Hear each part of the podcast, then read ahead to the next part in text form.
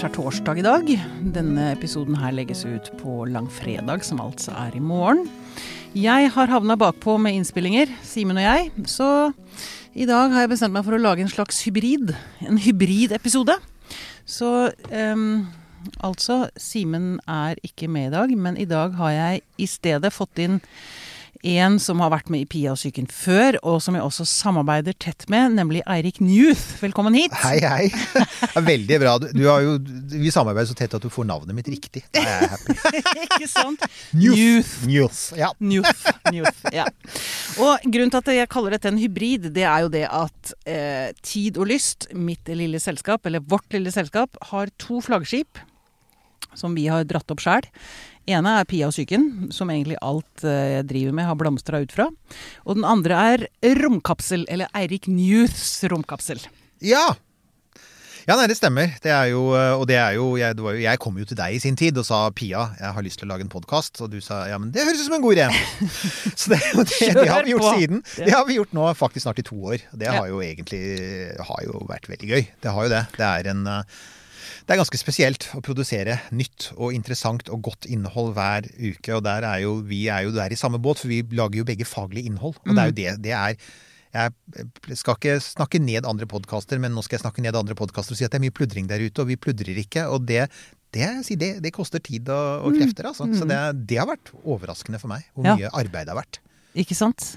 Og nå skjønner jo du som lytter at dette her er jo en slags reklame òg, for ikke bare Pia og psyken, eh, romkapsel, men også for Tid og Lyst. Så det, sånn er det bare. Det mm. får du bare leve med. Um, um, men fordi når du sier 'vi pludrer ikke', så tenker jeg jeg tenker som så at det er det som er greia med Pia og psyken og romkapsel. Fordi vi pludrer, men vi pludrer om ordentlige ting. Ja, helt sant. Vi har jo et veldig sånn Vi er jo egentlig ganske nedpå. Vi er jo det. Dette er ikke veldig Så det er jo ikke det, er jo ikke det at vi blir så veldig sånn høytidelig og akademisk hele tiden. Men det er noe med å ha et avslappet tonefall når man snakker om ting som er enten veldig alvorlige og av og til vonde og I romkapsel så er det egentlig ikke så mye vondt. Altså Når en rakett eksploderer, og det skjer mye for tiden, så er det litt vondt, men det er ikke helt på samme måten som, som, som, det du stadig vekk er innom i, i Pia og psyken, selvfølgelig. Du, og nå kom jeg forresten på, det er jo faktisk Pia og psyken som gjorde at vi ble kjent. Det er det. Fordi du begynte å kommentere på innleggene. Ja, jeg stalka deg i kommentarfeltet. det, var, det var borderline creepy en stund der. og så kom du på direktesendingen, eller den live-innspillingen. Jeg hører på alle episodene dine, Pia. Kan jeg få lov til å være med? Det er, ikke, det var ikke tvilsomt i det hele tatt, vet du. Det var helt nydelig. Og så husker jeg så godt en mm. kollega av meg, en, han som, er, eh, som lager designet vårt. Han sendte meg en melding. Det er Newt, jo! Ja, ja. What?! Kjendis! Kjendis altså, i kommentarfeltet. Sant å si, selv om ikke vi skal mase for mye om det. Men, men, men, men det var innmari viktig for meg også. For jeg, jeg, var jo da med i eh, og snakket om et problem som jeg har. Og det er jo et reelt psykisk problem som angår veldig mange nordmenn. Nemlig Fortell litt om det. Mm. Ja, nei, altså Alle som har sett noen bilder av meg, veit at jeg er stor, jeg er overvektig. Og, og det tok meg ganske mange år å skjønne at det var en psykisk kobling der. Og, og, og, det å være med i Pia og psyken førte for det første til at jeg da sa noe offentlig som jeg hadde tenkt en stund. Mm. Uh, og så å, si det høyt, og si det foran masse folk, og så dessuten få veldig mye tilbakemeldinger i etterkant, det var, For meg var det, veldig, var det faktisk veldig bra. Det var mm. veldig frigjørende å endelig liksom få, få, satt ord på det. Mm. Jeg vet at det er litt blandet, så man skal selvfølgelig Jeg skjønner jo det. Altså, jeg skjønner jo at noe av utfordringen du har i, i ditt program, da, det er jo at, at, for noen så er det frigjørende å være med. For andre så skjønner jeg at det kan være traumatiserende. Så, man, så det må jo være Jeg antar at det er en vanskelig balansegang du har ikke sant, som programleder? Ja da, det er, det er det absolutt. Og jeg får jo, det kan jeg jo, det er faktisk fint å få sagt her. fordi jeg får innimellom henvendelser fra mennesker som har lyst til å være gjest i Pia og psyken. Og det eh, skjer nesten aldri at jeg sier ja til det. Mm. Eh, jeg, får, sånn, jeg får henvendelser fra forlag og sånn, folk som har bøker og sånn, det er én ting. Men privatpersoner som ber om å få være gjest, da tenker jeg mm, mm, det, det, tør jeg ikke. Jeg tør ikke å, å, gå inn på det av forskjellige årsaker, bl.a. den du nevner der. Og det, det er, altså Du kan si at det er noen interessante effekter du får. for jeg, jeg opplevde det som frigjørende. Samtidig så opplevde jeg jo selvfølgelig at Altså, hvis det blir for mye Mm. Uh, og det, det, handlet ikke om podkasten din, det handlet om hva som skjedde etterpå. Det var jo, mm. Da fikk jeg masse henvendelser. Jeg var i en del i avisene. Uh, var i radioprogrammer og snakket om dette. Masse, og var gjest i andre podkaster. Mm. Og, og, da var da kjente jeg plutselig at det ble retraumatiserende, og jeg ble trigga til å overspise. Så jeg gikk jo på en smell etter det. Og det tok jo Og, og fordi denne typen altså spiseforstyrrelser ofte er litt sånn kinkig å finne ut av. At det, det tar ofte litt tid før man finner ut av det. Så, så tok det litt tid før jeg faktisk skjønte den forbindelsen selv, med at det å gå ut og være åpen, som du jo har hatt folk som har, og du har fagfolk som snakker om det, men å, å gå Og jeg har vært åpen. Og du har vært veldig åpen, og, men det veit vel du også, Pia. Det koster. Det, koster, det koster å være åpen. Absolutt. Og så er det noen sånne der, det er litt sånne ringvirkninger som ofte kan komme litt etterpå, kjenner jeg. Så Mm. For meg var det sånn to måneder etterpå, så tenkte jeg å shit, hvorfor, jeg, hvorfor, hvorfor går jeg på en smell nå, liksom? Og så i, begynte jeg å analysere det og si ok, jeg tror jeg vet hva det er. Men jeg angrer jo ikke et sekund på det. Det har alt i alt vært veldig positivt. Og det har jo Mm. blant annet ført til at jeg er blitt mye mer Nå sitter jeg jo i styret i Spiseforstyrrelsesforeningen. Delvis grunn og, er- Og, og vi skal kanskje si at vi også jobber med å få inn penger til en Ja. helt egen podkastserie. Vi ønsker å snakke om dette. Dette er Ja. viktig å snakke om. og det er rett og slett, Nå Da skal vi straks snakke ferdig om det. Bare si at overspising, uh, som endelig er i ferd med å komme inn i det norske behandlingssystemet, det har vært en hard kamp. Det er den største, den vanligste spiseforstyrrelsen. Og det er den som, som uh, Finn Skårdre sier, det er den tredje spiseforstyrrelsen og den minst kjente. Så vi ønsker å sette søkelys på det, rett og slett fordi at vi vet Statistisk sett så er det titusener av nordmenn, langt flere menn, ikke minst, og ikke minst langt flere voksne menn. Jeg er en overvektig mann på 56, og jeg veit at det er mange, mange andre overvektige menn på, i 50- og 60-åra der ute som kan ha denne litt ukjente Ja. Som ikke vet at de har en spis- spiseforstyrrelse. Ja. Som sliter med overvekt, men som ikke forstår at det faktisk sitter i huet. At det er ikke trening som skal til. Ikke sant? At det hjelper ikke. Altså, det, er, det er noe med det, vet du. At det Mm. er sånn, Spis mindre og mosjoner mer, som du hører gjennom hele livet ditt. Og som jeg har hørt, og som jeg også har trodd på. Mm. Og så har jeg innsett at vet du, du, først må du fikse huet. Først må du fikse psyken. Ja. Hallo, Pia og psyken, for å komme tilbake til det. Og så har jeg bare lyst til å poengtere at dette eh, du, snakket opp, du snakket så varmt om at eh, du hadde vært gjest og, og stått frem Mm. med overspisingen.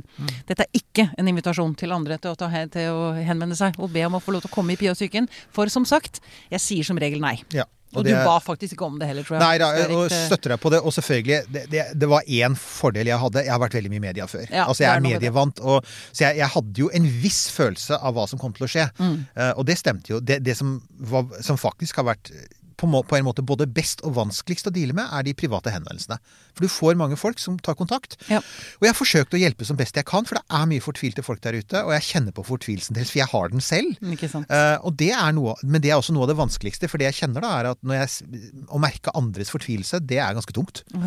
Og, og, og, og, særlig maktesløsheten, når du veit at folk virkelig har det vanskelig. Og, og som vanlig privat menneske så kan du ikke egentlig gjøre så mye annet enn å henvise dem til Altså da igjen. Spiseforstyrrelsesforeningen, Rådgivningen om spiseforstyrrelser. Det fins telefoner der ute. Husk Ja. det. Det fins folk å snakke med. Og uansett hva du sliter med, for jeg får jo også noen henvendelser fra folk som har det vondt ikke sant? eh, med andre ting. Ja, ja.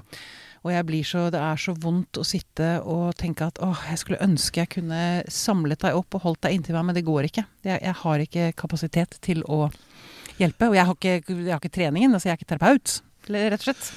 Men det, det vi gjør, det jeg gjør, tenker jeg da, det er i hvert fall at jeg har denne podkasten som jeg håper, og som jeg vet faktisk gir en slags opplevelse av fellesskap og en Mm. trøst. Og mm, det er ikke Altså jeg, det, er vel, det er bare rett og slett veldig mange som sliter med greier der ute. Men vet Du hva? er, er, så, det du er så lite aleine, du skjønner det ikke engang. Det, Men det du, du sier det er jo noe interessant, for det er jo noe av det jeg har altså, det, å, å, å, starte en podkast som etter hvert har fått ganske mange tusen lyttere. Men vet du, det er ikke hovedgreia. Hovedgreia er som du sier, at, at folk Altså, det oppstår et sånt lite samfunn. Et sånt community. mm. Så vi har en Facebook-side som det koker og bobler ja, nå på. snakker du om romkapsel. Ja, romkapsel. Ja. Men altså, jeg var ikke klar over det liksom på Jeg hadde ikke tenkt på det. Jeg tenkte jo en podkast er litt som radio. Du lager det, det går ut, og så skjer det kanskje ikke så mye. Men det er jo faktisk Det kan være et sosialt medium. Folk tar kontakt. Mm. Mm. Du får henvendelser, du får forespørsler. Der har jeg vært litt dårlig, kjenner jeg, å lage den community. Der har dere gjort en kjempejobb i romkapsel. Det er litt Eh, lettere med romfart, da. Det er litt mindre personlig. Så jeg Ja, ser jo det det nå. Altså, vi snakker å snakke om månelandingen i 1969, og å snakke om f.eks. depresjon og bipolaritet og overspising. Det er litt annet! jeg, jeg, det tar jeg på meg med en gang. Jeg sier at Ja. sånn sett så har vi det lett. Så det, ja. det, vet du hva, nå ga du meg Jeg har hatt så dårlig samvittighet for at jeg kanskje ikke har klart å skape mer ut av den community-feelingen, men det, det, det hadde ikke gått. Det hadde ikke orket. Det hadde blitt for mye, rett og slett. Så, Det, ikke sant, akkurat det. Pluss at du har ikke person... Altså, du har, når, du snakker, når du snakker om folks vonde følelser, så er det en personvernproblematikk Mm. Ja. som du alltid tar veldig alvorlig i din sending. Eh, og det er klart at når folk har lyst til å skrive et eller annet om Mars hos oss, så får de bare gjøre det under fullt navn. Hallo! Ja. Tenk, sett i gang, skriv i vei. Ok, da ja. holdt på å si har vi landa romkapsel og Pia og psyken Ja. og deg og meg og Tid og lyst og Ja. sånn. Og så, fordi det jeg egentlig har litt lyst til å gjøre Dette er jo en litt sånn håper å si, lettere episode, da, siden vi ikke går liksom i dybden på psyken. Men det jeg har lyst til å snakke om, nemlig det er eh, TV-serier, Ja. filmer. Ja. Eh, påskeunderholdningen. Det er fordi det tenker jeg vi kanskje kan bidra med litt grann gøyale ting på, da. Hva er godt for psyken, liksom, i denne lockdown, eh, den evige langfredagen uh, vi, er, vi er inne i. i Vi som bor her i Oslo har hatt det sånn lenge. Uh, på vei til studiodag, du går liksom gjennom byen, så tenker de Å ja, det er skjærtorsdag. Uh, ja, det er de siste 200 dagene i Oslo, det. Det er, Ja, det er så lite folk. Og, og, bare si at de, de av dere som bor utenfor Oslo og har sluppet unna dette, dere, dere aner ikke hvor heldige dere er. Altså, jeg, jeg må jo si jeg misunner dere. Jeg gjør det for at dette har vært hardt, altså. Det har Mm. vært hardt for oss som bor her inne, og særlig, som, som har hatt så få muligheter til å komme oss rundt og reise og alt mulig. Så ja. Ja. Mm. Men da har jo Netflix blitt uh, løsningen. Det har det. For mange, for meg også. Uh, vi snakket litt om det før vi gikk i studio, at det er Fordi jeg har i hvert fall slitt ekstremt med å konsentrere meg om bøker, f.eks. Mm. Jeg har bare ikke jeg har ikke hatt sjans. Altså, Det har jeg, det bare Jeg leser en halv side igjen og igjen og igjen og tenker nei, vet du hva, jeg får ikke med meg det som står der. Jeg må bare gi opp. Vet du? Jeg klarer nesten ikke å lese avisa. Du har fullstendig Jeg er så enig med deg. Jeg opplevde akkurat det samme. Det begynte Jeg husker det veldig godt. At liksom da, da, da lockdown i Oslo begynte i mars eh, for, for et år siden. Så var jeg først sånn wow! Og alle var sånn dugnaden, dette skal vi klare. Og da leste jeg ganske mye. Jeg leste masse bøker. Og så kom april, og så kom mai, og så kom realisasjonen av at å nei, dette er ikke over med det første. Dette tar vinter og vår. Og dette tar vinter og vår. Og så mistet jeg konsentrasjonen i en grad jeg aldri har opplevd i hele mitt liv. Og det er så godt å høre du som en intelligent, oppegående mann. Jeg føler meg jo så dum. Sammen med si. deg. Ja, ja, men det er, det, slutt opp med det. Jeg trodde vi var enige om å ikke si sånt. Men, men, men, men ja, men vet du, det er mange som sier det. Og det har vært skrevet bind... Altså, jeg, jeg, Amerikanske medier har vært ganske opptatt av det.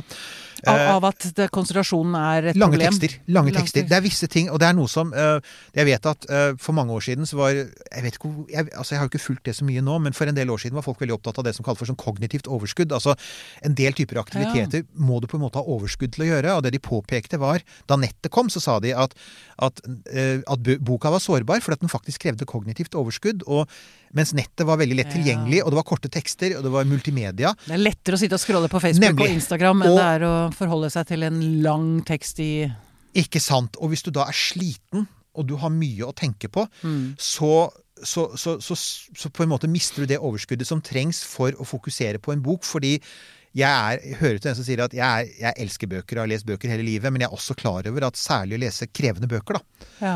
Det er mentalt krevende. Det merker jeg selv òg. Og, og det, det, ja. ja. ja. Det, men, men når du sier man har mye å tenke på, er jo er, Eller er det ikke litt mo... Altså, vi har jo ikke en dritt å tenke ja, på. sant for så vidt. Det skjer jo ingenting! Hva er det vi går og tenker på? Er det, er det følelsene våre som velter opp, og nå kommer vi inn i sånn psykologigreie Nei, men Du kan godt ta det veldig kjapt. Jeg kan si at uh, når disse bølgene har kommet til Oslo Igjen, vi har hatt bølger. Vi er nå Er det den tredje eller fjerde? Tredje. Ja, noe tredje. Tredje slash 3,5, I don't know. Men disse bølgene uh, og all angsten som følger med dem, sykehusinnleggelsene Noen av oss, sånn som jeg, har foreldre i risikogruppa. Jeg har vært, jeg har vært redd i et år, jeg. Eh, moren og faren min har nettopp fått den første sprøyta si. Jeg snakket med, med, med mamma og pappa i dag, og det var sånn lettelse. Jeg sa det til dem. Jeg sa er det lov å si nå, sa jeg til dem, er det lov å si at for første gang på et, på, siden dette begynte, så, så hører ikke jeg nå eh, er du litt hes? Hoster du litt? Altså, Jeg er ikke redd for det, så jeg, for nå vet jeg nå, nå er sprøyten i armen, og for hver dag som går, så øker immuniteten.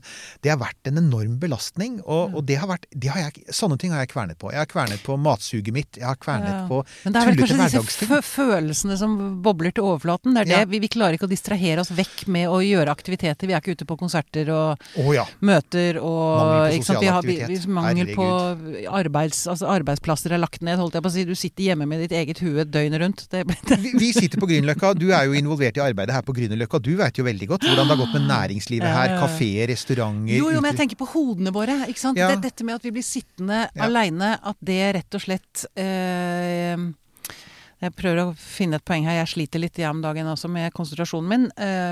eh, at det bobler frem så mye følelser Mm. som vi har klart å distrahere oss vekk fra før. Ja.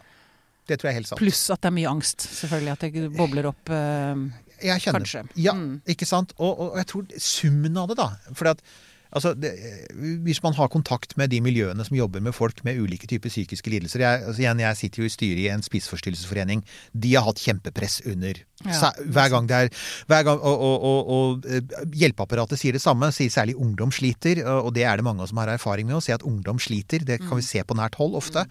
Eh, og, eh, så jeg, jeg, jeg kjenner, jeg kjenner eh, det er utvilsomt en, en, en stor psykisk belastning. og da mistet, Så jeg mistet også det kognitive overskuddet. Og for da å komme tilbake til det med bøker Jeg fant jo en løsning som funka for meg. da, og Det er, det er rett og slett at, at jeg switcha til lydbøker. Og jeg, jeg er bare blitt helt frelst på lydbøker. Så nå hører jeg Jeg, jeg er jo halvt engelsk, så jeg hører mest på engelske bøker.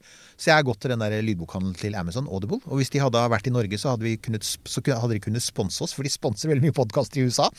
Men det er kjempefint. Det har vært for meg. For det er fordi at for å holde meg i form, fordi at jeg er overvektig og over 50, så må jeg holde meg frisk. Så jeg går. Jeg går mye. Så jeg går halvannen time hver dag.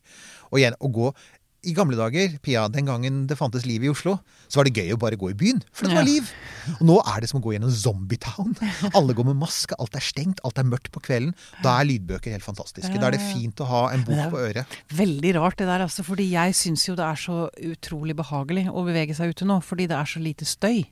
Det er så lite som er maser, ikke sant. Er, jeg, jeg, jeg er mye tryggere. Jeg går rundt med Pelle løs, ikke sant. Uten bånd. Det er vel ikke lov lenger. Jeg tror det er 1. 1. april båndtvangen kommer.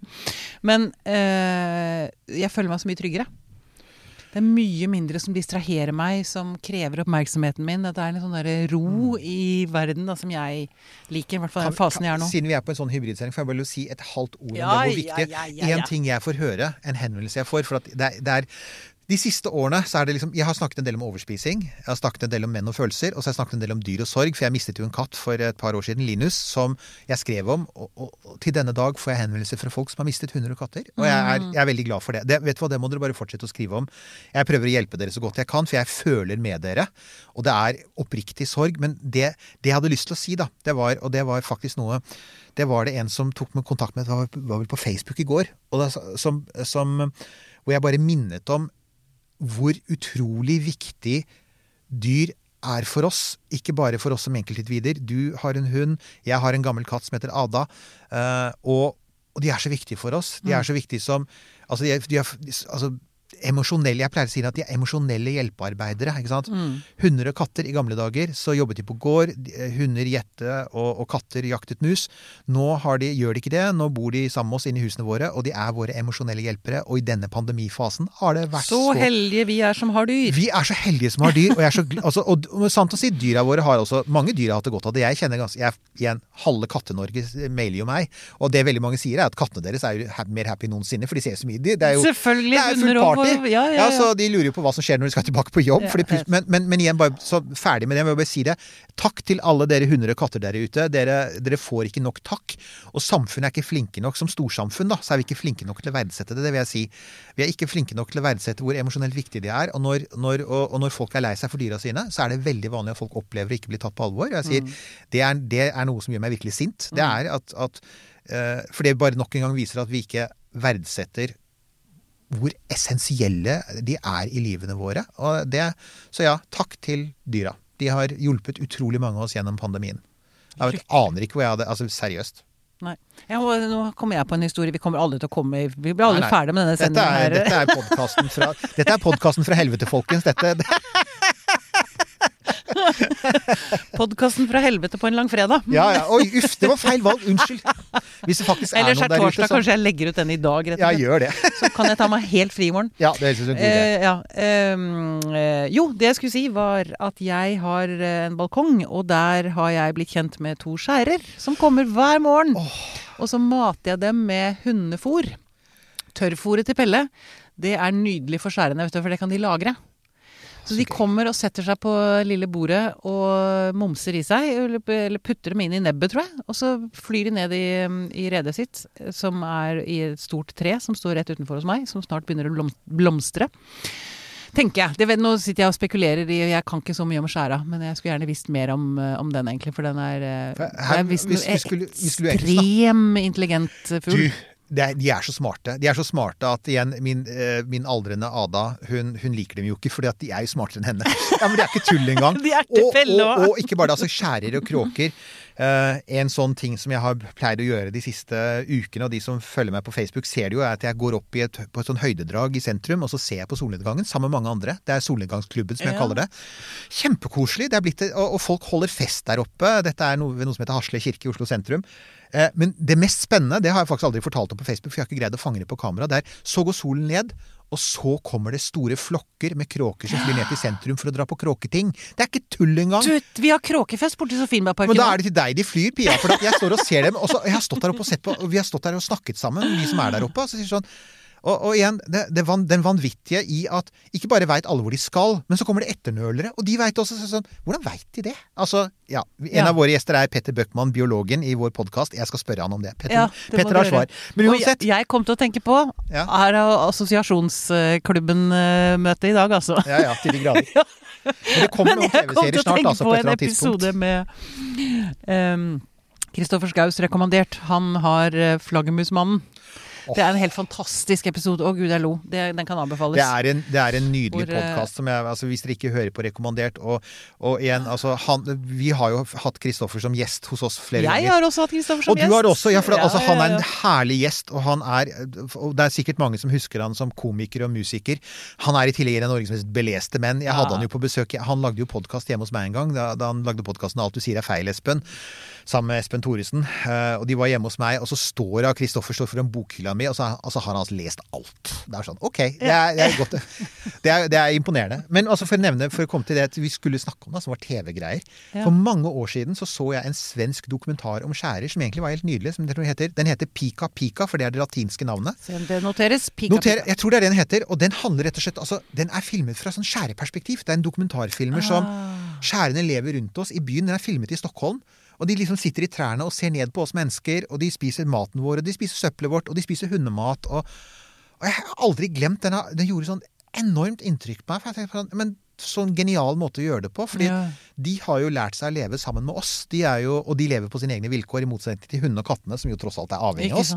Men skjærene er liksom Nei, skjærene er uh, gutsy. Er Men. Men, nå klarte du å dra oss tilbake til faktisk utgangspunktet, der vi, det, dit vi altså. faktisk skulle ende. Der vi, det, er, det vi er her for å snakke om. Har min øyeblikk. 22 minutter inn i episoden, så kommer vi til poenget. Ja, endelig. Jo, TV-serier, ja. Ja, altså det- Nei, vent, vent litt. Um, altså. Det vi ehm, Jeg, både du og jeg opplevde, var at vi sleit med lange tekster. Ja. Eh, og så fant du lydbøker, og mange som sikkert har funnet podkaster, kanskje mer, og går rundt på tur med det. Men så kommer det også til et punkt, for jeg sliter også med å holde konsentrasjonen på lydbøker og podkaster. Eh, men TV-serier, det klarer jeg. Jeg har kommet til det. Jeg, jeg sitter nå og ser på en TV-serie som er en million sesonger. Jeg kommer til hvilken det er etter hvert. Um, fordi jeg orker ikke tanken på å gå inn lære meg et nytt univers. Men du sa i sted, Eirik, at selv TV-serier kan bli litt mye. Ja. Eller filmer. Faktisk. Det, og det er Har du liksom- merka nå? Ja, jeg merker det. Ja, det, er, det går på fokus.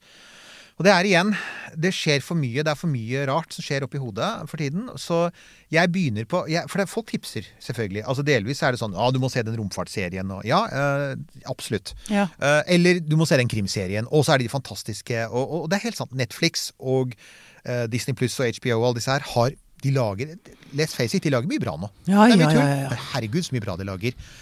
Og så begynner jeg, og så går det en episode. Det går ofte bare en halv episode. Og så bare så kjenner jeg jeg bare kjenner at kreftene tømmes ut. Så jeg har da også søkt til det gamle og kjente og trygge. Rett og slett. Ja? Ser ting man har sett før. Ser ting man har sett før, så tenker jeg Men, men på en måte, da. Jeg, eh, fra bokverden så kan jeg si at gjenlesing av bøker er jo Unnskyld, ikke sett på som noe negativt. Det er jo Å, tvert jeg elsker å lese bøker. Jeg kan. ja! Så jeg for eksempel Tove Jansson er min, en av mine favorittforfattere. Og jeg ah, har, ikke, jeg har ikke tall på hvor mange ganger jeg har lest uh, 'Farlig midtsommer', for eksempel. Som er kanskje hennes uh, ikke sant, hennes, fa- Altså Mummitrollets ja. eh, skaperdame. Fantastisk forfatter og skrevet veldig mye bra. Jeg, hver gang jeg liksom trenger litt trøst, så går jeg tilbake til Tove Jansson. Og da er det liksom å gå inn i et kjent landskap, ingen overraskelser. Vet hva man får. Man Ja. vet hva man vil føle. Nemlig. Og jeg har min sånn forfatter, det er Marianne Fredriksson. En svensk eh, forfatter. Ja. Der hun, hennes bøker 'Den som vandrer om natten', 'Paradisets barn', Mm. eh, Maria Magdalena elsker det. Altså, jeg kan bare Å, det er bare Å, det er som balsam Mm. For frynsete nerver og Så hvis vi skal komme med et tips, da, så si til dere hvis dere den der greia med Ja, vi får alle sammen hele tiden anbefalinger via telefonene våre sånn 'Dette bør du se på Netflix'. Mm. Men, men hvis du virkelig kjenner at nå trenger jeg litt balsam for sjelen, Mm. så hva med å gå til bokhylla di, eller gå til DVD-hylla, eller så bare se hva Ikke sant? For at mye av det er jo ikke lenger tilgjengelig der ute. Mye ligger ikke i strømmekanalene. Mye av det gamle er borte. Og se 'Oi, det var en gammel film jeg ikke har sett på lenge', eller 'det var en TV-serie jeg ikke har sett på noen år', og si 'Vet du, det kjennes egentlig ganske deilig', altså. Ja, Jeg det ser gjør det. Ehm, fordi det jeg merker er så Du snakket i sted om at Uh, man, altså, det er jo veldig lett at man havner på YouTube eller Facebook eller Instagram Mm. og får masse små snutter, men det også har jeg kjent at jeg ikke orker lenger. Uh, fordi det blir rett og slett for mye inntrykk. Altså, det, jeg, ja, det blir spinner for fort um, Ja. i meg. Så jeg um, Du logger litt av det, ja? Hæ? Du logger litt av det, rett og Jeg har rett, rett og slett logga litt av. Jeg tror man bare må kjenne på det. Man, det, sånn, sant? Man må finne sin egen vei gjennom dette. Men fordi jeg har en eh, jeg, For det første så, så, så hele Friends igjen. Hvorfor ikke?! Friends er jo hyggelig! Ja, ja, ja. Ikke nå, det er en stund siden, men Ja, nå har jeg begynt på en serie som jeg så for mange år siden, som heter Gilmore Girls. Og den er Jeg må bare, jeg må, jeg må bare snakke litt rundt den serien. Fordi den er altså Det er nesten liksom å se på tegneserie, men med virkelige mennesker. Det er noen sånne karakterer som er, eh, som er eh, så utrerte. Um, og det er i et eh, trygt lite univers, en liten by. Uh, og det er sesong på sesong på sesong, og så er det interessante, syns jeg, da. Det er interessante uh, forhold mellom bl.a. mor og datter som uh, treffer meg, da. Som gjør at jeg Det er et Der opplever jeg ting. Der ser jeg ting i mitt eget liv. For det har jeg også lyst til å si og en av de hjelpene var Finn som sa da han eh, var med her, at det er ikke så dumt å sitte og se på drama utspille seg på en skjerm fordi du får bearbeidet ditt indre, men uten at det er noe truende. Ikke sant? Du får sett på andre som sliter med det samme, eller som tenker det samme, eller fø- og så ser du andre reaksjoner. Og jeg syns bare det, det, er, Ja. det er veldig um, Så er det litt sånn innenfor innenfor trygge rammer, kjenner jeg. Altså, at, altså, drama har jo noen altså, drama har jo 2000 år gamle greske tradisjoner, og det er noen, det er noen sånne, hva er det, sånne narrative strukturer Ja, rammer ikke sånn, ikke sant? Nå er jeg på helt feil fagfelt, men, men jeg har jo skjønt det, at det er noen sånne rammer og strukturer som, som tar deg gjennom ting. Og som faktisk også kan hjelpe deg. Det. Og, og dette har vi visst siden de gamle grekerne. De visste det. Mm. Ja. Og vi har bare fortsatt med det. og sier, Men dette funker jo for oss. Vi forteller historier på måter som får fram følelser og bearbeider ting. Og underholder oss og trøster oss og skremmer oss og gleder oss. Og jeg har veldig Og, og, hvorfor ikke gå til noe med godt håndverk? Ikke sant? Og det er, det er kanskje derfor Unnskyld. Eh, Det er kanskje derfor vi Altså, noen er jo så veldig glad i skrekkfilmer. Jeg er ikke det. Å nei, jeg hater dem! men- men- ja, ja, ja. Jeg blir redd, jeg. Jeg er glad i krim. Krim kan jeg like, men skrekkfilmer orker jeg bare ikke. Orker ikke å sitte og skvette.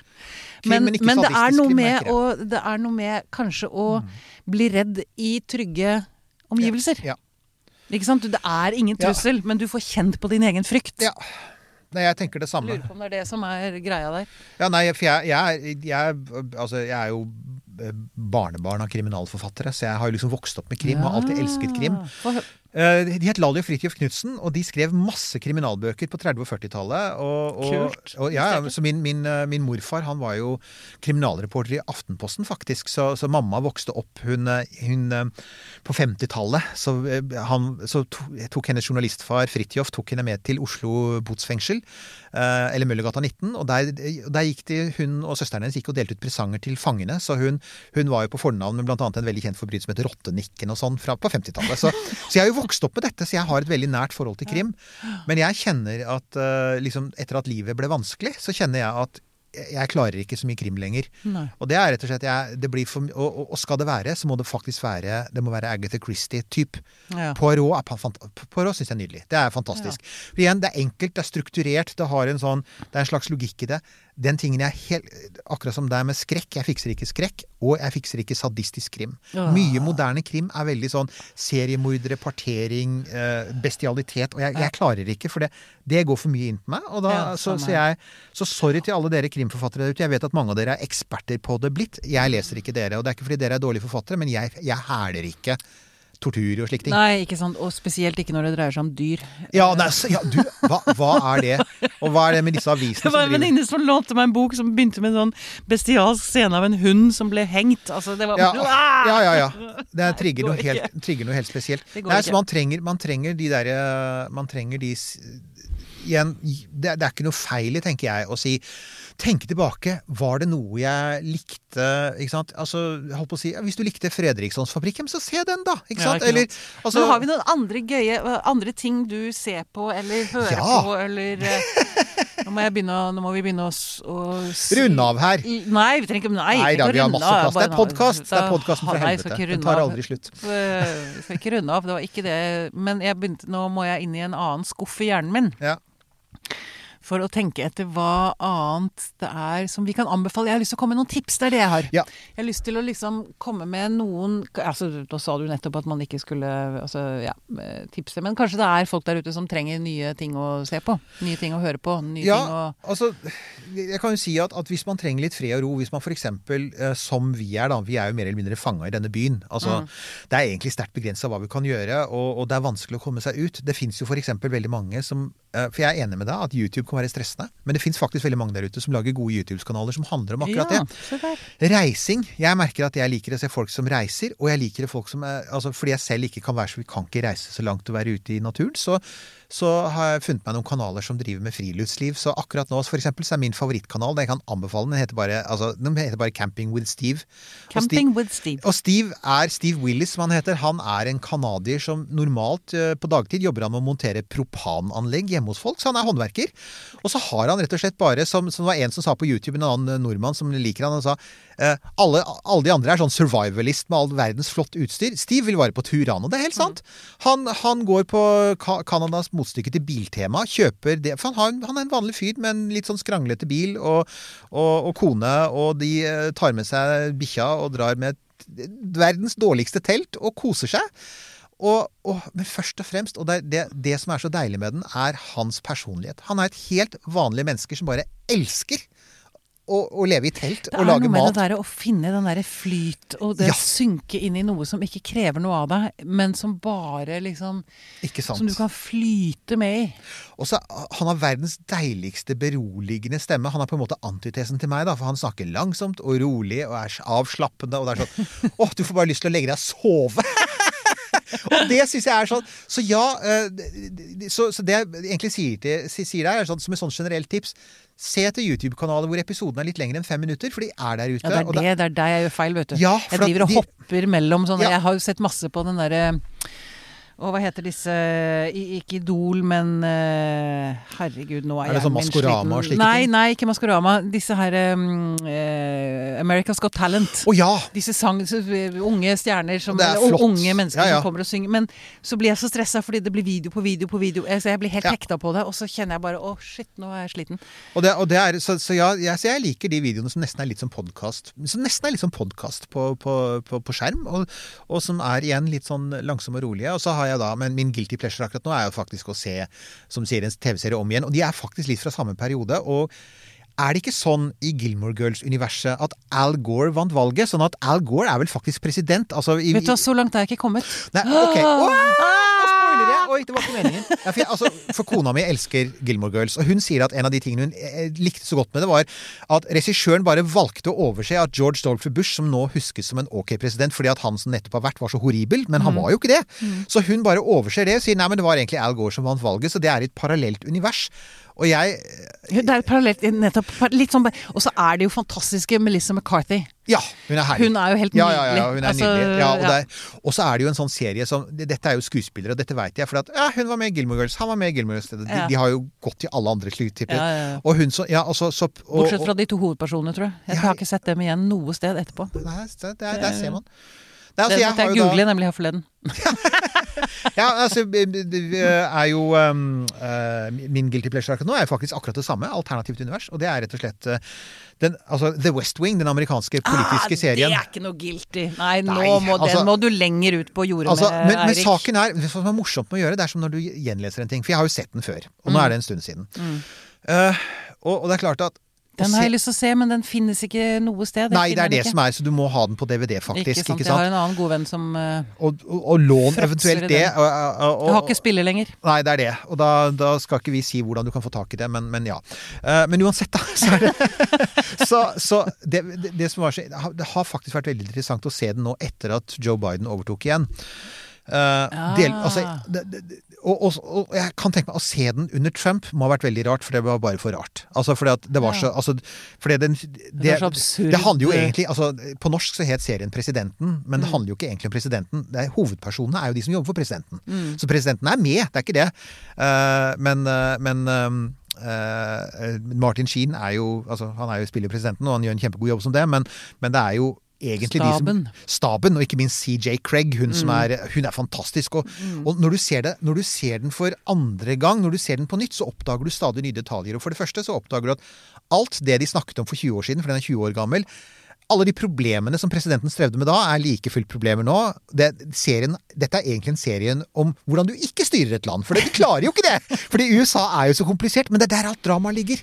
Og det er det så, I denne her vanvittige Alle disse konstellasjonene og Høyesterett og alt det der rare politiske, og alle partiene og sånn. Og og alle de sterke personlighetene og alle de gode skuespillerne, så oppstår det så utrolig mye persondrama som samtidig oppleves som relevant, og så, er det, merker jeg, det er sikkert det som gjør det til en guilty pleasure Det er en flashback, liksom. Å ja, dette var sånn det var i en verden som ikke hadde en pandemi. Det var egentlig en skole ålreit verden. Så det er det også. sånn, La meg nå bare leve i et alternativt univers hvor Trump aldri fantes, og pandemien aldri fantes, og, og jo, det var vanskelig å styre. Eventyrverden, holdt jeg på å si. Det er nesten Ja, sam- for, ja. Nei, for jeg tenker jeg, Når du sitter og snakker Jeg, jeg, også har veldig lyst til å se West Wing igjen. Men så sitter jeg også og tenker, og det har jeg faktisk tenkt de siste dagene, at jeg har så lyst til å se igjen noen av disse gamle filmene eh, Ja. jeg så som jeg var glad i da jeg var liten. Eh, sånn som 'Singing in the Rain' eller 'Sound of Music' eller Og det var en til Jo, eh, en, jeg var så veldig, veldig fan av Catherine Hepburn Å ja. elsket Hun var min heltinne Ja, da ja, jeg var liten. Fordi Og jeg, det, det syns jeg det har vært morsomt å, å tenke på som voksen, fordi det var så mange andre som hadde sånn Marilyn Monroe og sånn, eh, mens jeg hadde Catherine Hepburn. Og jeg er så glad for det, fordi det, det jeg likte så godt med henne, hun fikk meg til å le. Hun var den eneste dama. Det er den eneste dama jeg husker fra den tiden som fikk meg til å le. Hun var frekk nok Ja. til å ta den rollen, da. Utrolig kul dame. Ja, fy fader, hun Og- var. Hun var helt heftig det er jo noen, eh, det er noen fin der, da. Min favoritt med henne det er jo de, altså Hun lagde jo en del komedier sammen med Cary Grant på 30-tallet. Ja. Og 'Bringing Up Baby'. Bring up baby! Det var tittelen jeg var ute etter! den er den helt fantastisk. Det er det med panteren, ikke sant? Ja, nemlig. Det er, nettopp, det er det som er hele poenget. Det er altså et digert kattedyr som er baby. Og alle, og alle de og, og De kaller det for screwball comedies. Og vet du, jeg har brukt litt tid også under pandemien til å gjense noen av de gamle filmene. Og jeg har Ja. noen sånne virkelig gamle favoritter. Blant annet eh, min absolutt favorittfilm noensinne er The Third Man, Den tredje mann, som egentlig er et kriminaldrama, men ikke bare det, fra, fra Wien like etter annen verdenskrig. Fantastisk eh, sånn film noir-film. Men også noen av disse gamle komediene. Og Singing in the Rain', den så jeg faktisk i fjor. Og vet du, den er fin. Den holder, den, Og- altså. og musikken. Musikken, dansescene, altså? koreografien, ja, ja, filmingen sitter i ja, er, det, og det- og det eh, fikk meg da Det fikk meg over på en sånn um, eh, det fikk meg over på en sånn der fase med nettopp det, og det bringer meg til at det fins faktisk en Det fins en ny TV-serie der ute som jeg faktisk vil anbefale. Den ligger ikke på noen av de Den ligger vel på Jeg tror den ligger på Amazon Prime, som også er tilgjengelig i Norge. Men den heter The Marvelous Mrs. Marvelous Mrs. Maisel.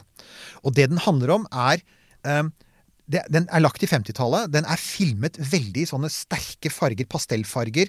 Eh, Hvem er det som spiller? det, Nå husker jeg ikke hva hun heter, men poenget er at hun, hovedrollen spilles av Hun er en kjent skuespiller. Og hun spiller en vanlig kvinne i New York som utvikler seg til å bli standup-komiker på 50-tallet. Å, men denne, dette er en ny serie, det. Ja, den er ny. Ja, Og den, har jeg sett. Den, den- elsket jeg jo. Ja, men den er så fin! Den er er ikke den fin? den er nydelig. er nydelig. Og, og de to damene i hovedrollen og Sorry nå at jeg er dårlig på navn, så det må jeg bare ja, nei, men det, det, hva, Nå trodde jeg du snakket om noe som ble laget på 50-tallet. Nei, nei, nei. Marvelous Mrs. Maisel foregår på 50-tallet. Er laget i nyere tid. De skal lage sesong fire nå. Det sier de. Ah. Jeg gleder meg til Altså, jeg gleder meg som et barn. Jeg tror jeg bare har sett første sesong, så den men du må se skal jeg jaggu ta den, tak i. og den slutter på en fantastisk cliffhanger, og du må, du må sånn Hva skjer nå? Og den er jo ehm, den er jo basert i stor grad på livet til altså Det sier man delvis av John Rivers, hun, som jo var eh, fantastisk komiker, men også skikkelig vulgær. Og, og ikke minst, hun måtte baute seg gjennom all verdens dritt fordi hun var kvinne på 50-tallet og skulle opp i et miljø Ja, ja, ja, som var ekstremt mannsdominert. Men, men, men, ja, men, men bortsett fra det, da, så er det jo miljøskildringen, det er humoren. Dette er jo, uh, dette er jo siden jeg er standup-komiker i New York, så er det, det er mye av det jødiske miljøet selvfølgelig i New York. Så det er denne helt unike humoren som de har, som også kommer veldig godt fram. Så jeg kan bare anbefales flat out Marvelous Mrs. Maisel. Det var faktisk Den fikk meg gjennom april og mai 2020, og det sier ikke lite i Oslo, altså. Det lite, Eh, april og mai Og nå kom jeg 2020 var en- ja. Nå var jeg akkurat der jeg har lyst til å være, nemlig at vi, vi jeg, blir, jeg hører hva du sier, og kommer jeg, kommer Ja, ja. på serier som jeg hadde glemt. Ja. Unorthodox. Oi! Apropos en jødisk. Ok, det er ikke Hva er det? en ung kvinne i et uh, ortodoks jødisk miljø i New York som bryter ut. Mm.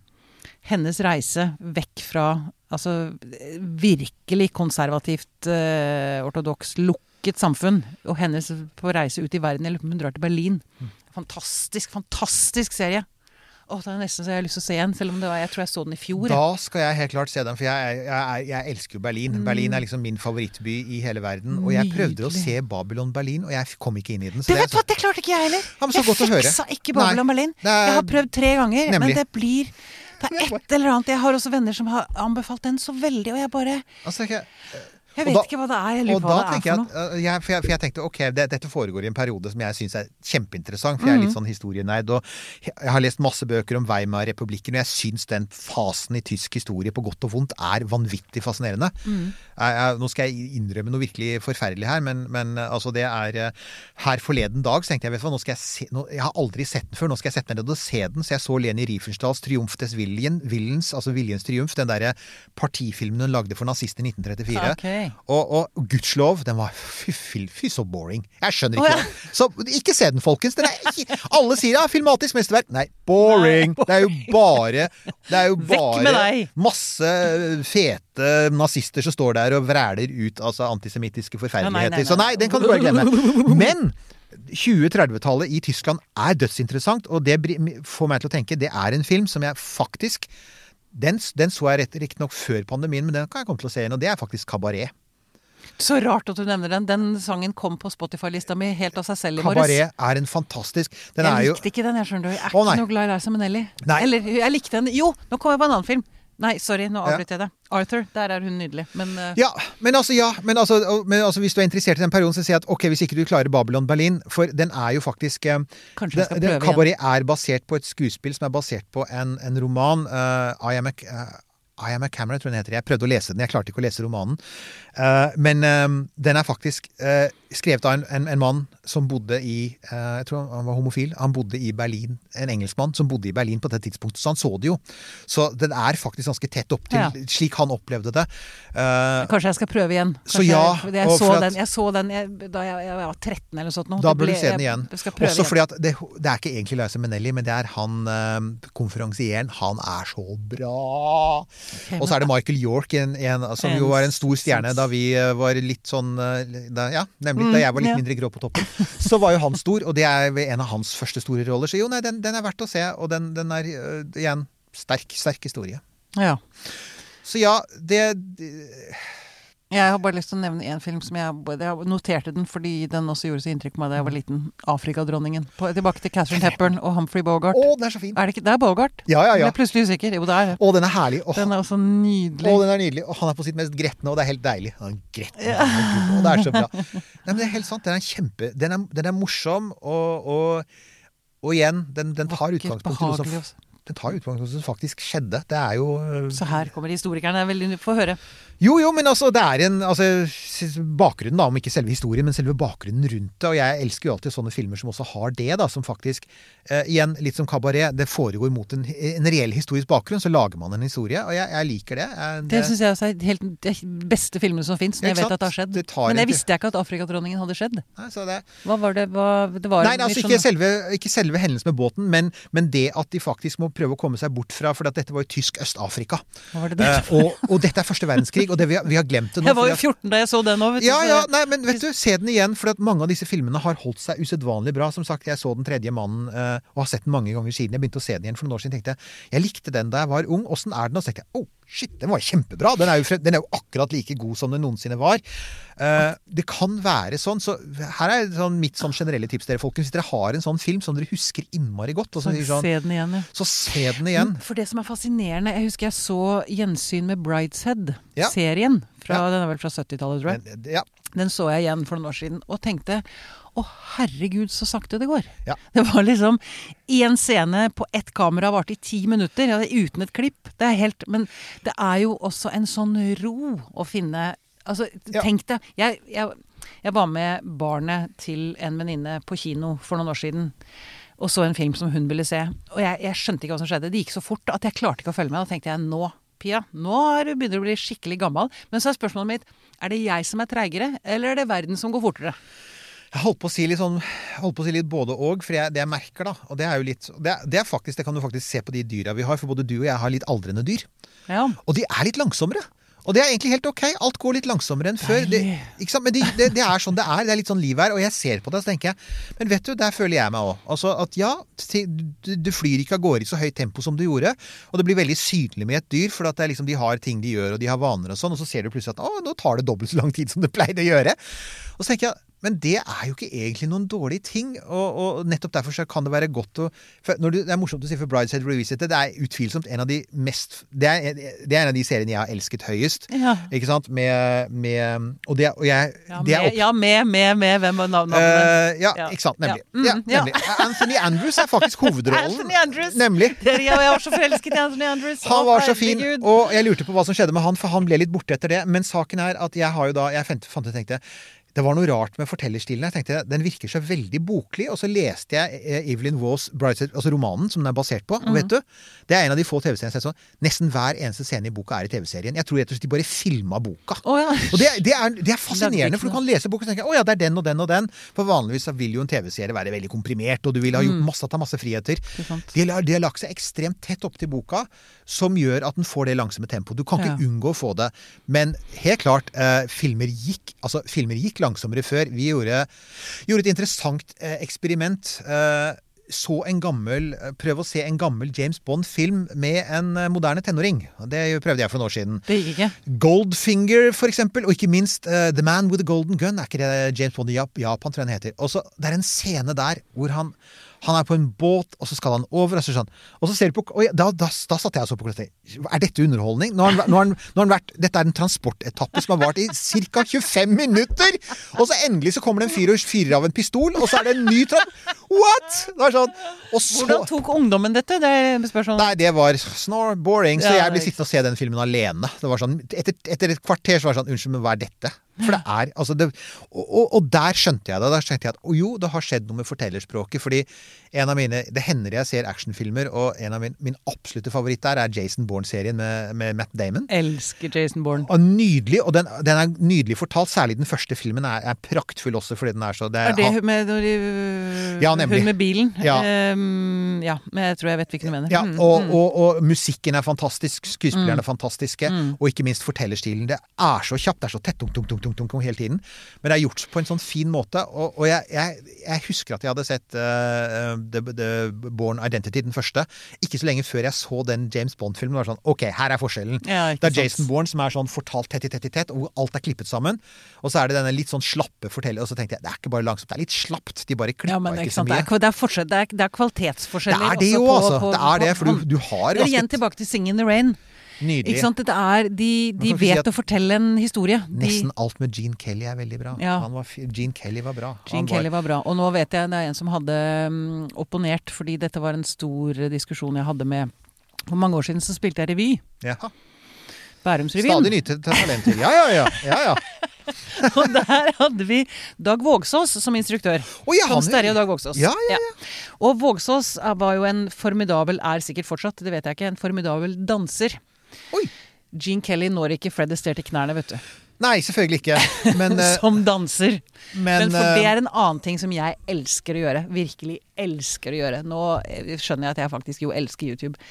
Se dansescener. Gode dansescener. Godt koreografert. Gakk, hen til YouTube og finn Det er en sånn mikse Oh god. Ja, må jeg bare si en ting da, at, Dag Vågsås var også i mange år en forkjemper for at Buster Keaton var en større komiker enn Charlie Chaplin. Nei, det var han ikke. Han var genial, men Chaplin er størst, så nei, Dag Vågsås.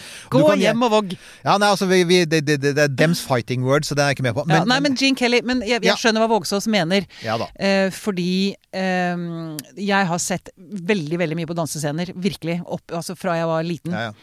Og eh, Gene Kelly er pisselekker. Uh, og han har veldig mye Han driver og danser med en tegneseriefigur. Uh, Ja. Og han, han er eh, Han er morsom, men han, han er mer Hva skal jeg si morsom. Han, han er lekker, men han er mer morsom, mer gjøgler. Fred Astaire er så elegant at det er helt, det er helt Vet du hva, jeg ser scener med han igjen og igjen og igjen og igjen, og jeg bare tenker Er det mulig? Altså, det, det er ingenting han gjør som er eh, så, håper jeg å si, slumpmessig. Altså, det, det er så lekkert å se på han danse at det er eh, Det er en av de få Ja. gangene jeg ser mer på han enn på dama. Nei, men jeg, jeg, altså, de, de, jeg har hørt andre sider også, at altså, det er klart at Fred Astaire er en teknisk sett mye bedre danser. Det, det som Gene Kelly hadde. Altså, I tillegg til at han var noe så, så sjelden i USA som genuint radikal fagforeningsmann og sosialist. Var var, han det? Ja, han visste jeg ikke, så her. Han var en, genu, en genuint ålreit fyr på veldig mange måter, og, og annerledes i Hollywood, og støttet mange gode saker, så han, var, han hadde det. Men i tillegg så er det klart han var en jævlig god formidler. Altså, han, han fikk dansen ut til folket. 'Singing in the Rain' den, Mm. Er- den derre regndansscenen. I, I know, den er ikke teknisk veldig god. Jeg har vært med i Skal vi danse, så jeg har lov til å si det.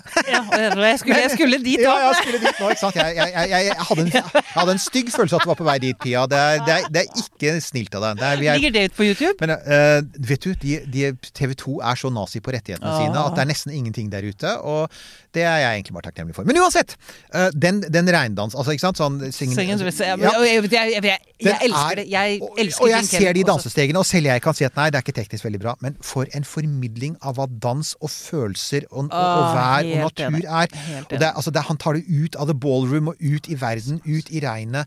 Og det, det elsker jeg han for. At han gjorde, han gjorde det folkelig. Han var, han var eh, irsk-amerikaner. Han, var- han var en vanlig type. Han er ikke, det er ikke noe overklasse ved han. Han er veldig jordnær. Og ja, ikke perfekt. Men, men, men, Men jeg er helt enig. Han, og han har mye mer sprudling i seg. Han har mye mer liv, mye mer glede, egentlig, enn Astaire. Og før vi slipper tak i, i den godeste, eh, godeste Nå har jeg til og med glemt Gene. Kelly. Gene Kelly, takk. Det begynner å bli seint på dagen, folkens. Vi har jobbet hardt her. Det kommer, det kommer til å skje ting i, eh, med, med, eh, med Tid og Lyst som er veldig spennende. Men vi har jobbet litt hardt for å få det til, så vi er Ja, litt det har vært eh, litt Men frustrerende. Gene, og- ja, det har vært mye jobb. Det er, dette er sånn det er å drive et bitte lite firma under pandemien. Yes. Men Gene Kelly han er jo også med i filmen On the Town. Den har jeg ikke sett. Nei, og den er med Frank Sinatra også. Og, og, ja, men får jeg bare si en ting? Sinatra. Ja. On the Town er en ganske kul Den er, den er basert på en musical Uh, som er skrevet av Leonard Bernstein. Musikken er Leonard Bernstein fra 1947. Mhm. Så lagde de en film noen år seinere med Frank Sinatra og Gene Kelly og en til, jeg husker ikke tredjemann. Og jeg kan bare si en ting, er at filmen er utrolig, altså er utrolig mye dårligere enn musicalen hvis du skal ha musikken. Musikken til musicalen er Leonard Bernstein på sitt beste. Og er nydelig. Eh, De har tatt vekk Men nesten hva all musikk. skal man se på da? Altså, fil, fil, Nei. Da må du se på da, du, ser den for, du ser den for å få en veldig Litt sånn fordummet versjon av historien, og du ser den for selvfølgelig, selvfølgelig for å se hvis du liker å se Gene Kelly og Frank Sinatra spille, og det er en 50-tallsfilm. Mm. Og det er dansescener der, og det er musikk der. Det er bare at uh, selve musicalen, så hvis, skal, hvis du vil høre Hvis du liker å høre, vil høre et godt musical-lydspor, så kan jeg si Gå til uh, f.eks. Spotify og bare søk på On The Town, altså Original Cast fra 1947. Fantastisk! Jeg lover dere, det er en herlig opplevelse. Sprudlende. Det er amerikansk showmusikk. Rett etter annen verdenskrig, fra den perioden hvor alle var så optimistiske, krigen var over. Yay, vi skal ha party! Den stemningen. Du bare hører på den, du setter den på med en gang og tenker åh, jeg er tilbake i New York i 1947, og som jeg en gang noen spurte meg Som jeg aldri har vært, holdt jeg på å si. Ja, ikke hvis jeg har vært i New York, men ikke i Ikke 1947. sant? Men var det sånn noen sa det til meg? De sa, Hvilken tid ville du ha dratt tilbake til? Og da sa jeg, vet du New York 1947. New York 1947. Åh, Et av de mest spennende vært- stedene på kloden. Masse smarte folk, masse kultur. Uh, alt. Nesten Boblet, alt. Film, sydet, musikk, sydet. bøker. Det er sånn det kommer til å gjøre, tror jeg, når pandemien er over. Det kommer til å begynne å syde rundt det kunstneriske, jeg er enig i. Men du, det jeg tenker vi skal gjøre, det er at når jeg legger ut denne episoden, så skal du og jeg ta og legge ut noen av disse scenene. Ja. Jeg har i hvert fall lyst til å legge ut noen Ja, ja. av de scenene som vi har snakket om. Skal Ikke sant? Ja, Kan vi bare sette i gang, så kan alle andre legge ut scener. Vi Gøye ting. De, Så lager Hvor skal vi de legge det ut? på under eh, episoden eh, på Facebook. Ja, gjør det. Da, da, da jeg skal eh, gå rett hjem, og så skal jeg blant annet legge ut noe originalmusikken fra 1947, for den er så fin! Den det er, er nydelig. on the town. Gleder meg til å høre. Eller vil si, det er nydelig, det vet jo ikke jeg. Du sier det, så jeg skal Ja, høre men på vet det. du, hva, vet du hva jeg oppdaget, Pia, etter å ha delt kontor med deg en stund? Vi har ganske lik musikksmak. Jeg, jeg er ganske sikker på at du vil si at å ja, men den har jeg hørt, og den er fra mange av dem jeg kjente. kjente. Ja. Musical, ikke sant. Men jeg har også lyst til å snakke om et par andre filmer som ja. Fordi jeg ble så lei meg her forleden, for hadde, det var én film jeg hadde så lyst til å se igjen. Som hadde akkurat den stemningen jeg lette etter, og den var bare ikke å oppdrive noe sted. Og det var Out of Africa. Oh, yeah. Med er Meryl er- Streep og den er Robert. Redford. Altså, Den er ikke den, Jeg fant den ikke noe sted. Vet du, Det er noe av det som har skjedd med strømmetjenestene. Jeg er innmari glad for at de fins.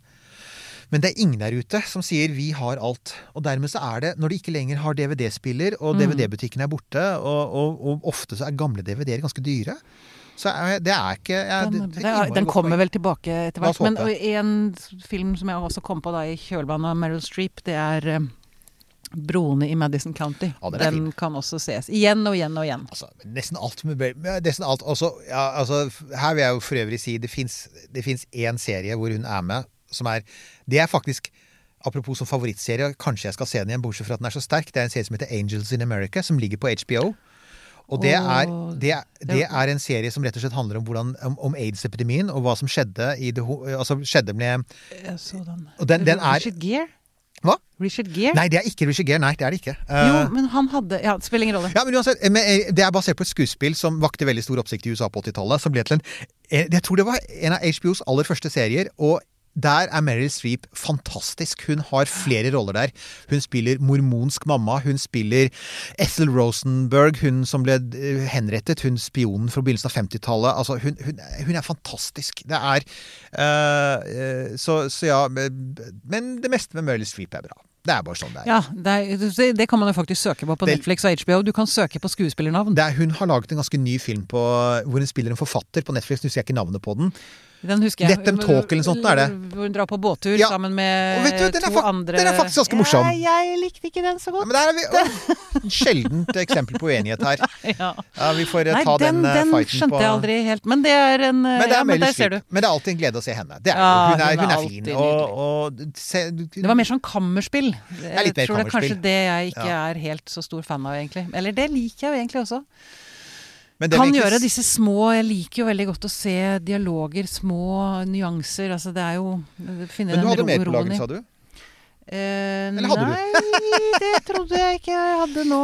Det Men vil si, det jeg har jo selvfølgelig gjort meg mange mange tanker underveis som har blitt borte i, Ja, i her, men det eh, er, eh, så det er jeg covid-hjerne, kaller jeg det. Det er litt sånn ja, men vi jeg, får leve med covid-hjerne. Ja, men det er ikke et helt tull. Altså, jeg kjenner på det. Jeg kjenner at når du har eh, om morgenen jeg har, jeg, Det er sånn, et sånn annet sånn tips jeg har. Som jeg, jeg vet ikke om andre gjør det, men jeg, jeg begrenser faktisk nyhetsstrømmen på dagtid. Fordi jeg jeg husker og- nesten, jeg leser nesten ikke nyheter. Nemlig. Nesten Og vet du, og, og, og, der- måtte jeg gripe tilbake til min egen oppvekst. fordi at vi kommer fra en bakgrunn der nyheter kom i små porsjoner. Ja, Og jeg husker, det, vet du hva det var det tydeligste minnet jeg fikk? faktisk var et sånn merkelig flashback jeg fikk da jeg ble, begynte å bli helt overveldet av nyheter i fjor, for et år siden. og Jeg skjønte at jeg måtte skru av.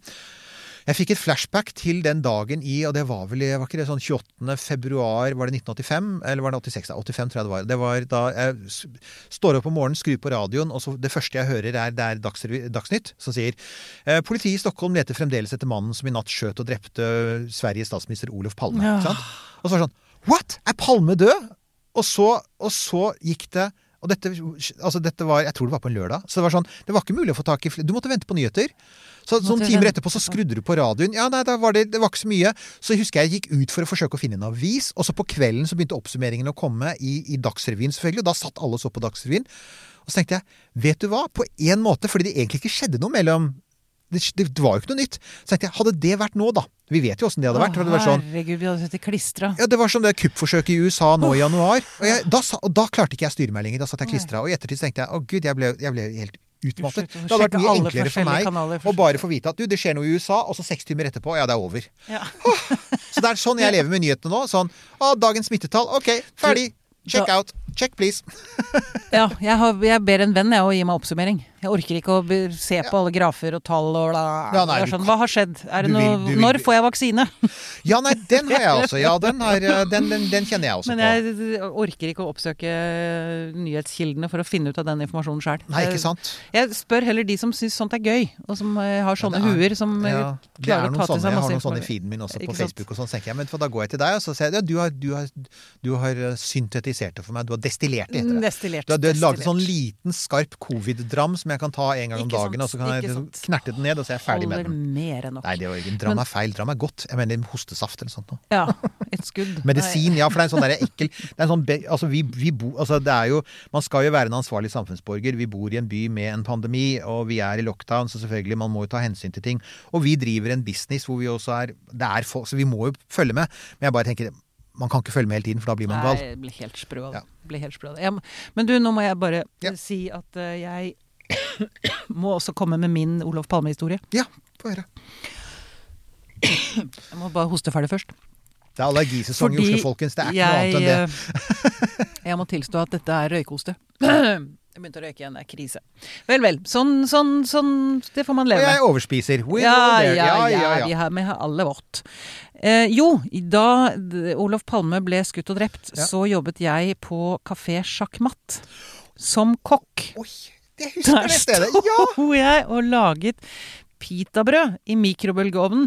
Du, liksom, du la inn et pitabrød og i mikrobølgeovnen, for da fikk du det til å svelle altså, Da åpnet det seg. Ja, og så ja, ja. stappa du det fullt av, kylling og ost og skinke og tomater og salat. sånn.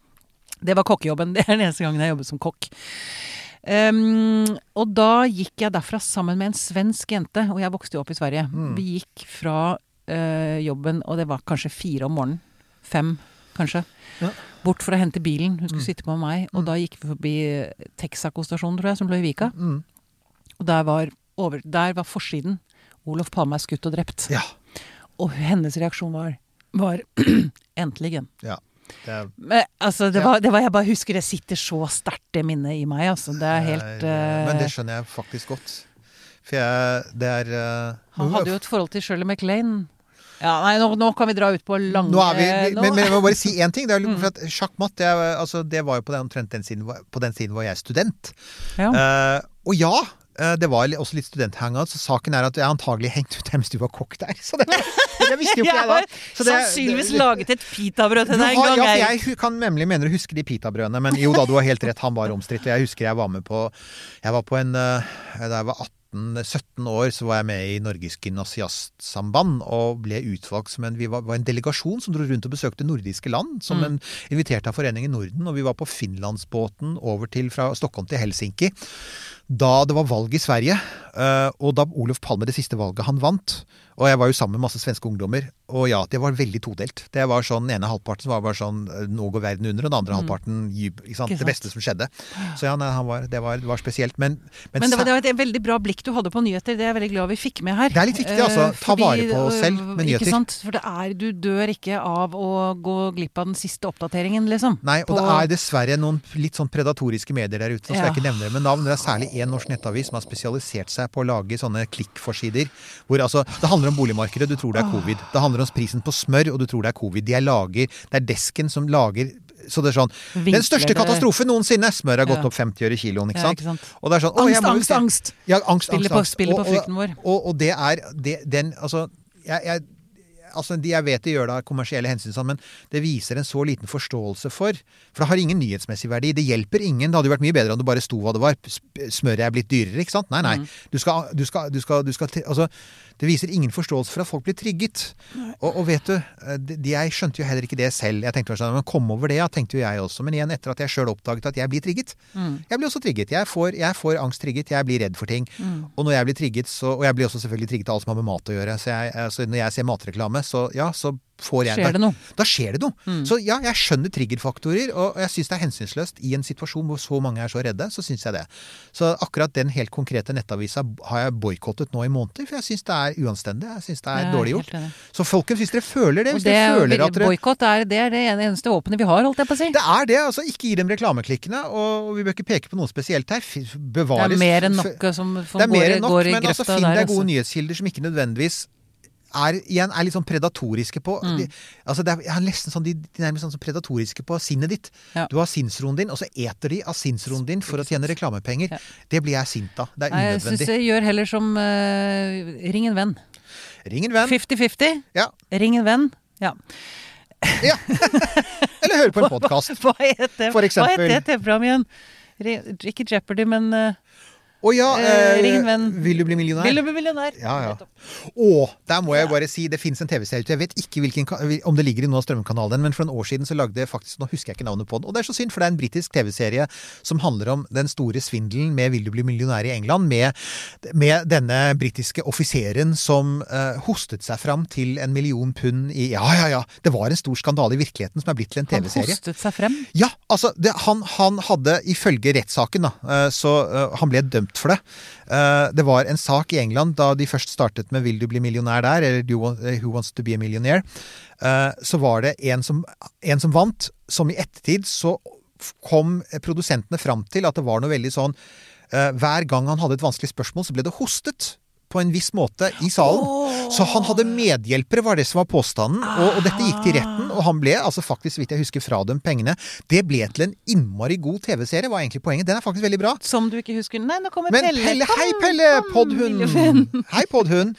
Han, åpner, han klarer å åpne en dør. Han gikk, veldig, gikk på over 80, er det ikke det? Ja, men de har jo det. Ja. Ja. ja, ja, Jeg har jo en katt som da hun var i, i sine yngre dager, så kunne hun hoppe på dørhåndtak, og jeg tror hun har glemt det nå, da. Ja, ja. Eller hun gidder ikke, for hun, bare går til meg, bare går til meg og sier du, mjau. sant. Og da vet du. det. Hei, lille venn. Ja, Du, eh, hva tenker du Eirik? Skal vi begynne å runde av nå? Eller har du mer på hjertet som må ut? Nei, altså Ikke noe annet enn å si at, at uh, vi sitter nå her på en skjærtorsdag og har hatt en lang arbeidsdag. Og vi har jobbet. Vi prøver å, vi prøver å lage en uh, stadig bedre podkaster og stadig nye ting. Så uh, Skal vi, jeg syns vi skal si hva det er vi Ja. ikke, ikke for kunden, men hva vi faktisk er i gang med.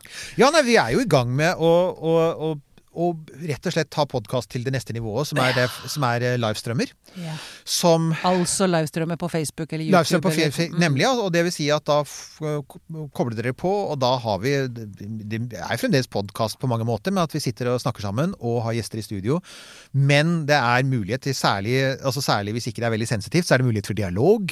eh, og det vil si at du kan legge inn kommentarer. Interaksjon. interaksjon Mm. Og bilde, ikke og, og bilder. Vi Ja. kan, så, og det er, at det er med bilde, det er kameraer på. Ja, er vel og- kanskje det viktigste. Og her er jo saken at dette er jo en sånn ting som disse her ungdommene har vært kjempeflinke med lenge. Mm. Og der ute så er det jo massevis av folk som livestreamer, og, og jeg innrømmer gjerne at jeg kom til det litt seint. Ja, men jeg oppdaget altså jeg, jeg, jeg, altså ja, jeg er en gammel mann, og det tok meg litt tid, men så oppdaget jeg plutselig at vet du hva, gjort på riktig måte, så er dette en fin måte å, en fin måte å, å møte dere på.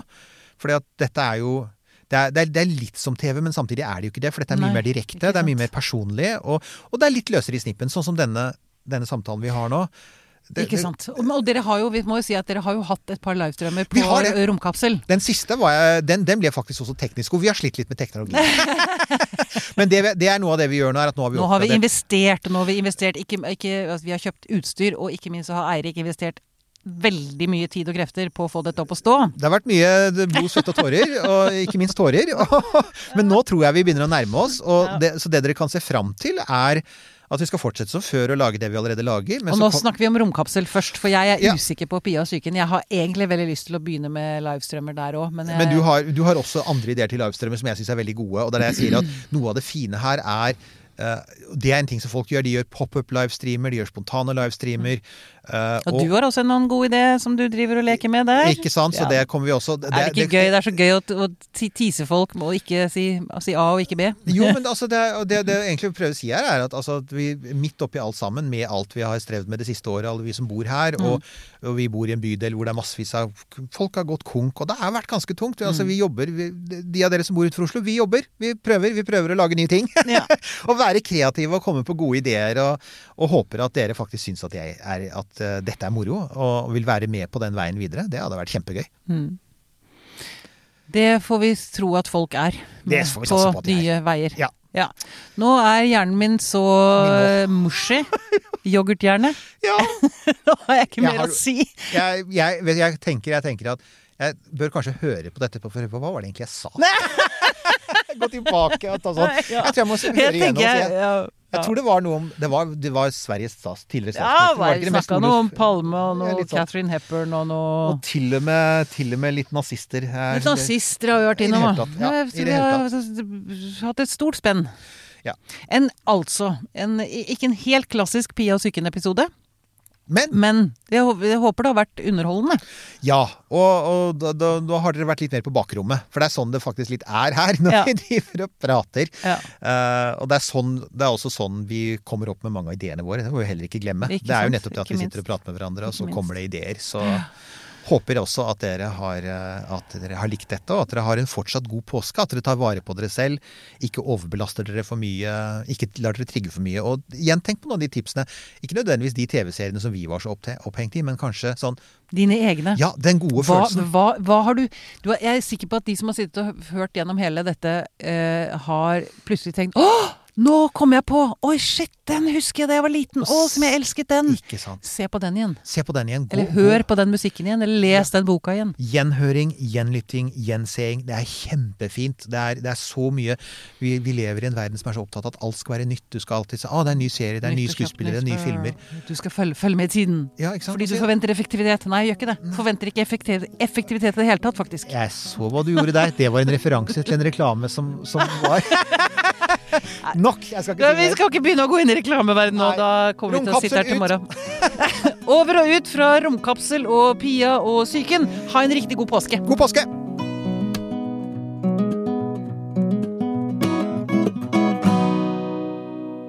Denne Podkasten er produsert av Tid og Lyst. Med støtte fra stiftelsen Kåre Berg.